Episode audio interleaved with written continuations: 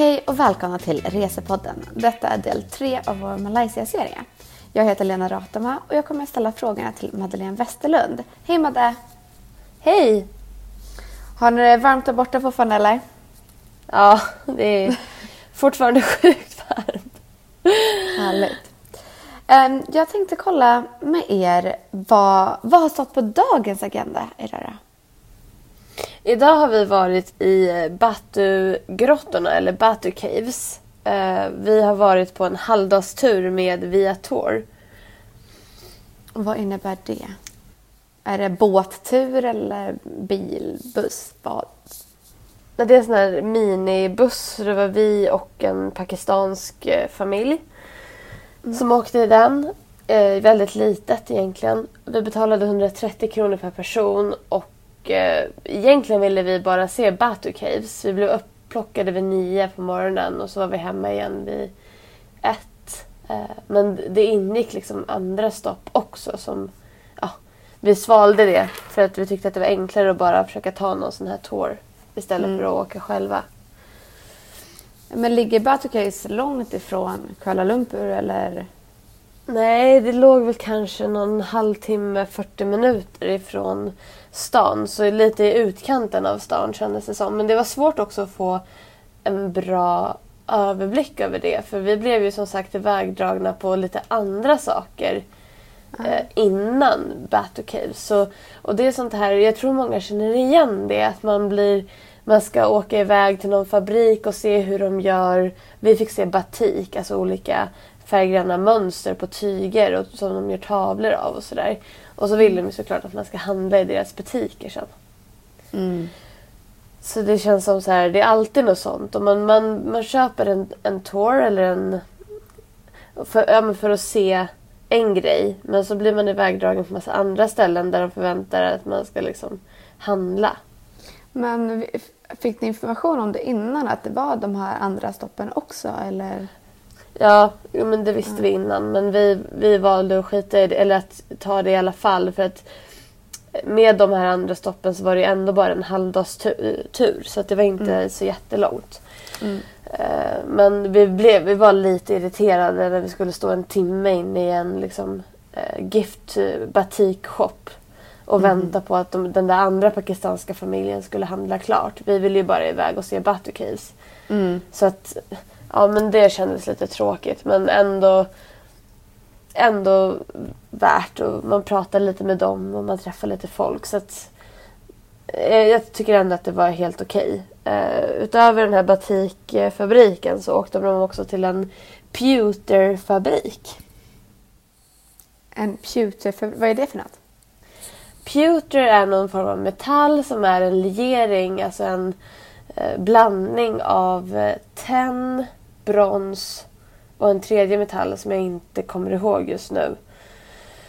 Så att eh, vi fick stanna på den här fabriken. Vi fick någon form av guidad tur som visade hur de, hur de framställer den här metallen och hur de jobbar med den och gör olika eh, skålar och glas, eller inte glas men eh, dryckesglas och olika skulpturer och sånt där. Och det var, de var väldigt stolta över det här för att det var den enda fabriken i Malaysia, om inte i hela världen.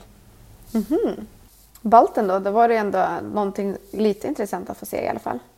Eller? Ja, men det var inte, ja, det, jo, men det var det. Och det var ganska intressant. Jag reflekterade lite över det när vi gick där. För de var så stolta över eh, att berätta om den mannen som hade grundat det här. De, och de hade liksom, i det här museet som var, hade man liksom inglasat hans käpp, hans gamla käpp han hade haft och hans kläder. Och så här, ah, this is the clothes of our founder. Man var väldigt så här stolt. Och jag tänker så här, det måste vara en kulturgrej, för så gör vi väl inte i Sverige? Nej, ja, det är väl, vi har ju gamla kläder och sådär från våra kungar men inte från grundare liksom. Alltså så här, Ingvar Kamprads gamla jacka skulle väl inte vi glasa in liksom? Nej, nej det tror jag inte. Nej, så tror, det är en kulturell sak där tror jag. Jag var vä- de var väldigt stolt över deras eh, founder och han hade väldigt mycket, det var mycket bilder på honom och, och sådär. Eh, Men det var intressant. Sen fick vi ju såklart mycket tid i den giftshoppen också. Ja. Men hur många stopp var det sammanlagt? Det var tre, så det var de här två fabrikerna och sen var det Batu Caves som var i slutet. Och vi sa det, tur att Batu Caves var i slutet för alltså, vi hade ju typ eh, dragit ifrån den där tåren annars. Om vi hade gjort det först. Ja. Mhm. Men så... Eh, var det långt emellan de här fabrikerna och liksom Nej, mellan alla var- stoppen? Nej, det var kort. Det var bara någon så här tio minuters körning kanske. Om ens det. Det var väldigt korta avstånd. Jag tror, det jag tror är att de här eh, företagen samarbetar. Så att om de säljer mycket i de här eh, fabrikerna så får de här touren en andel av det. Jag skulle tro att det är någon så, något sånt upplägg. Ja, men det tror jag också. Så där vet jag att det är, till exempel har varit deals i Stockholm. Eh, en kompis jobbade i en väskbutik och då hade de ju deals med eh, turistguiderna. Att de skulle ta med turisterna till just den butiken och då fick den här guiden en andel av hur mycket de handlade. Det ja, är du lite ser. fult. Ja, men det är lite, trå- alltså, det är lite tråkigt för att de, de fattar ju varför man bokar touren. De fattar ju att det är för att se Batu Caves i, i vårt fall nu. Och inte för att se de här andra grejerna. Att vi bara så här, ja, vi bara hänger med ändå. Nu lyckades de få mig att handla i alla fall. Eh, så att de var Vad handlar det för någonting då? Jag köpte en liten, i den här batikfabriken så köpte jag en liten gosedjurselefant i ett så här coolt batikmönster. eh, Som jag ska ge till en kompis eh, barn. Jag missade hennes födelsedag. Nu när vi är borta. Sen så märkte jag också, vilka säljargument funkar på dig? Har du tänkt på det någon gång? Nej, jag tror aldrig jag reflekterat över det. För när vi var i den här när vi var i den här Pewterfabriken i deras giftshop, då var det så en del där som vi stod och kollade och då kom det fram en säljare som började säga ja, just de här grejerna finns bara i den här fabriken. Och om du kollar under här så finns det en stämpel och de säljs bara i den här fabriken. De finns inte att få tag i någon annanstans i hela världen. Då blir jag så här, ja men vad kanske jag måste passa på. Du vill ha så limited edition liksom. Där... Ja men så här, vadå? Det här är min enda chans. Ska jag, så här, tänk om jag ångrar mig.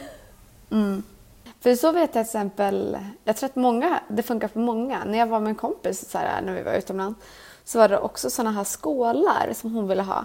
Men sen så när hon såg att de skålarna fanns hos alla så kände hon ingen stress att köpa dem. För hon bara, "Äh, jag köper dem hos någon annan istället. Till slut så köpte hon inte dem alls istället. Nej precis.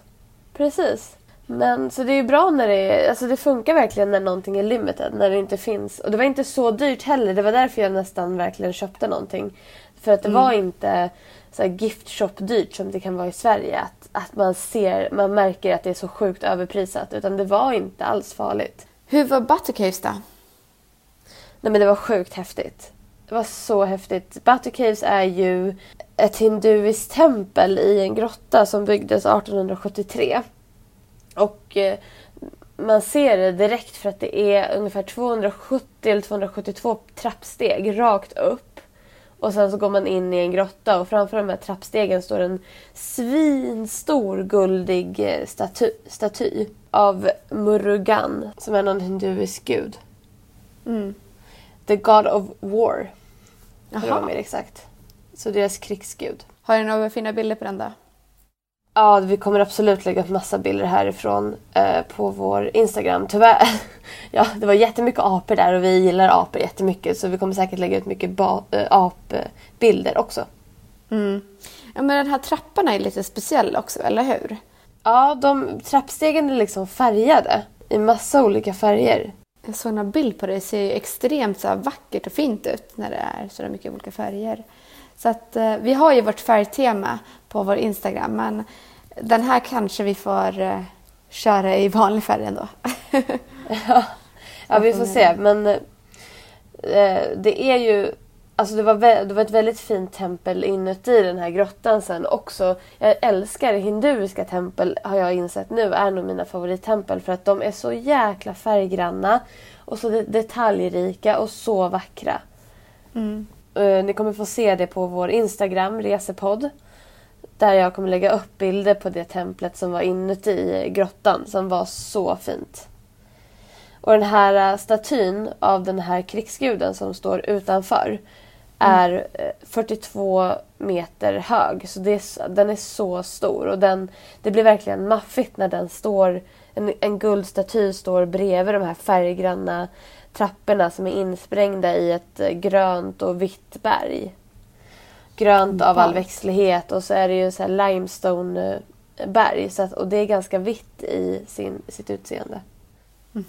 Var det mycket folk när ni var där?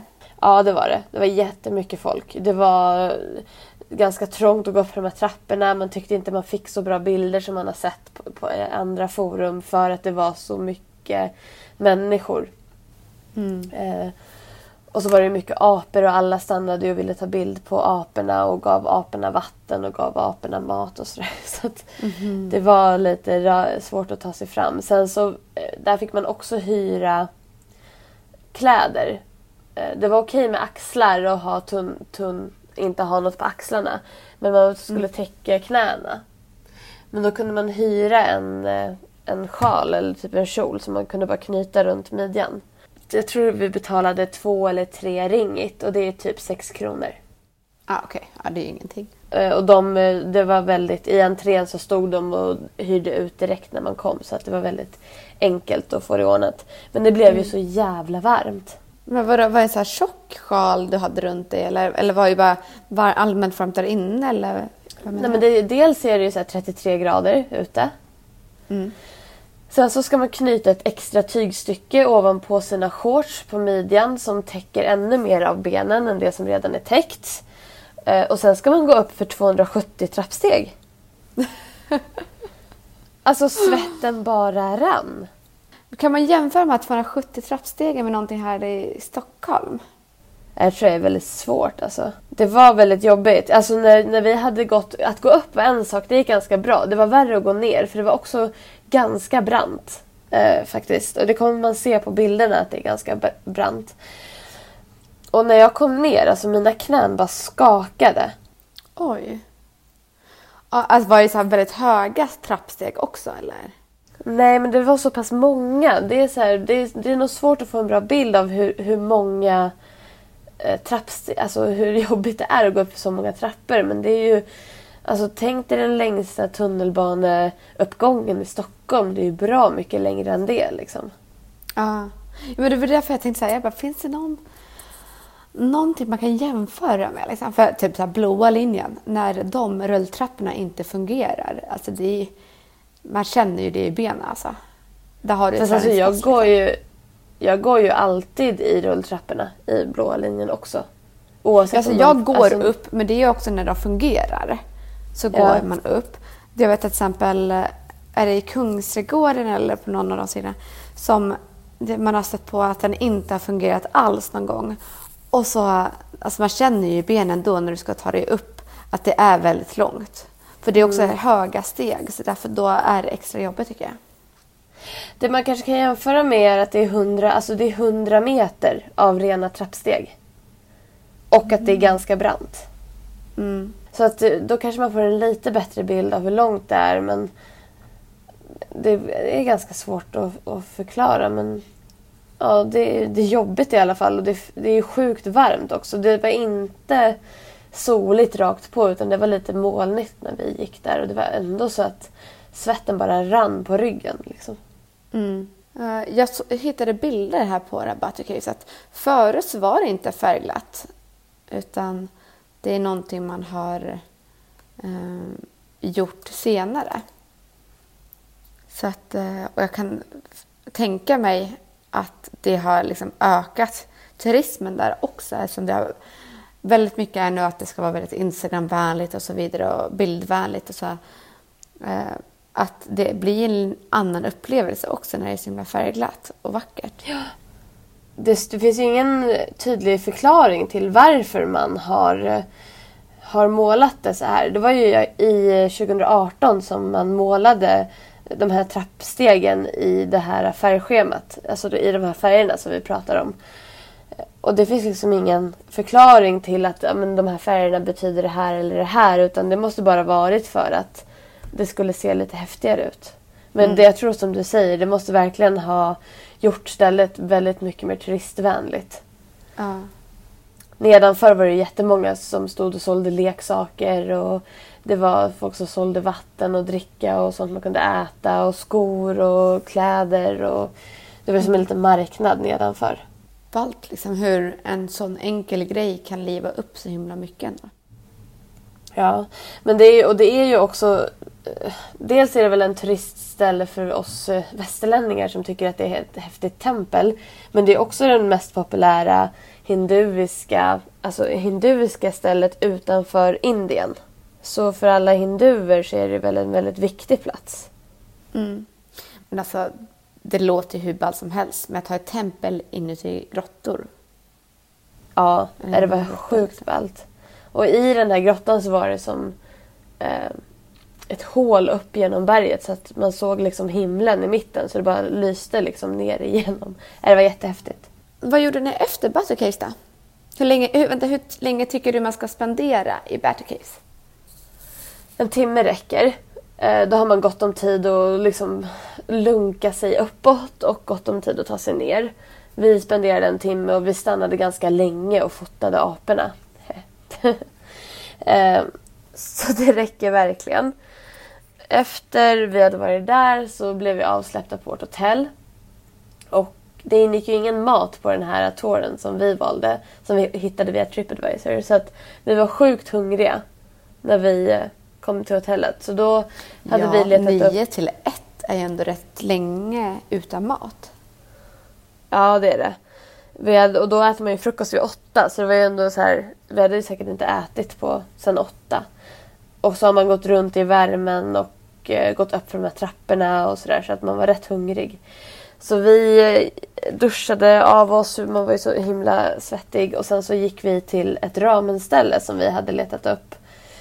Eh, vi hade letat upp en så här ramenkedja som finns eh, som heter Ippudo. Och så käkade vi ramen. Alltså, ra, ja, jag älskar ju ramen. Det var ju så gott. Det var det alltså? För du är ju ja. van med den här svenska ramen, alltså du älskar ju nudlar liksom. Eh, Men... eh, Ja, fast det här, man kan ju inte jämföra det här med de här fyra kronors paketen som vi köper i på Nej, men Ica. Som jag åt i typ tre års tid. Jag vet att jag vet andra som eh, älskar nudlar men typ hatar ramen och tycker att det smakar fotsvett. Liksom. Va? Nej, jag tycker Ja. det är jättegott. Usch vad äckligt, fotsvett. Uh. Ew. Nej, nej, nej, det här är supergott. Det är ju alltså, det är mycket matigare. Det, är ju, det märks att det är ordentligt gjort med riktigt bra buljong och riktigt bra nudlar och så är det grönsaker i och eh, mycket chives. Vad är det på svenska? Gräslök? Nej, men det chives i alla fall är det på. Och så är det, det svåra är, jag har försökt hitta ramen utan kött, alltså vegetarisk. Det hittar man inte här. Vi har kollat på så många ställen och det går inte att få utan. Så att eh, det är svårt att undvika fläsk när man äter ramen. Typ allting har pork i sig. Tyvärr. De har ju ofta ägg i eh, sin ramen också. Och sådär. Men det finns liksom inga med bara grönsaker och ägg då eller? Nej, inte där vi har varit och kollat har det inte funnits. Så jag har frågat så här, do you have a vegetarian option? Och de bara nej. nej, nej, nej. Så jag äter ju inte kött. Jag försöker undvika kött av etiska skäl och miljöskäl i huvudsak. Så att jag är inte en sån hård vegetarian på det sättet. Så jag, vi åt det ändå för det var det vi ville ha liksom. Men eh, det är lite synd att det inte finns mer alternativ. Jag tror att det säkert det kommer också att det är en, så här, när de märker att det finns en stor efterfrågan.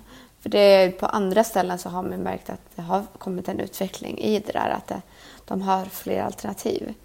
Men eh, jag tänker du har ätit ramen på många olika ställen tidigare. Vart, eh, vad, vad fick det för betyg då, det här, den här kedjan? Jag har egentligen bara ätit ramen en gång i Sverige. Tidigare. Men du har väl käkat det tidigare utomlands och sådär också? Nej, det har jag inte. Aha. Nähä. så nej, det har jag inte. Jag, jag har ätit det i Sverige och det var ju sjukt eh, gott. Jag tror att det var lite bättre i Sverige. Jag, jag tycker vi har lite högre kvalitet på våra... Eh, alltså på kött och sådär. Då åt jag också mer kött. Men det här, alltså vi betalade kanske 50 kronor per rätt på det här stället.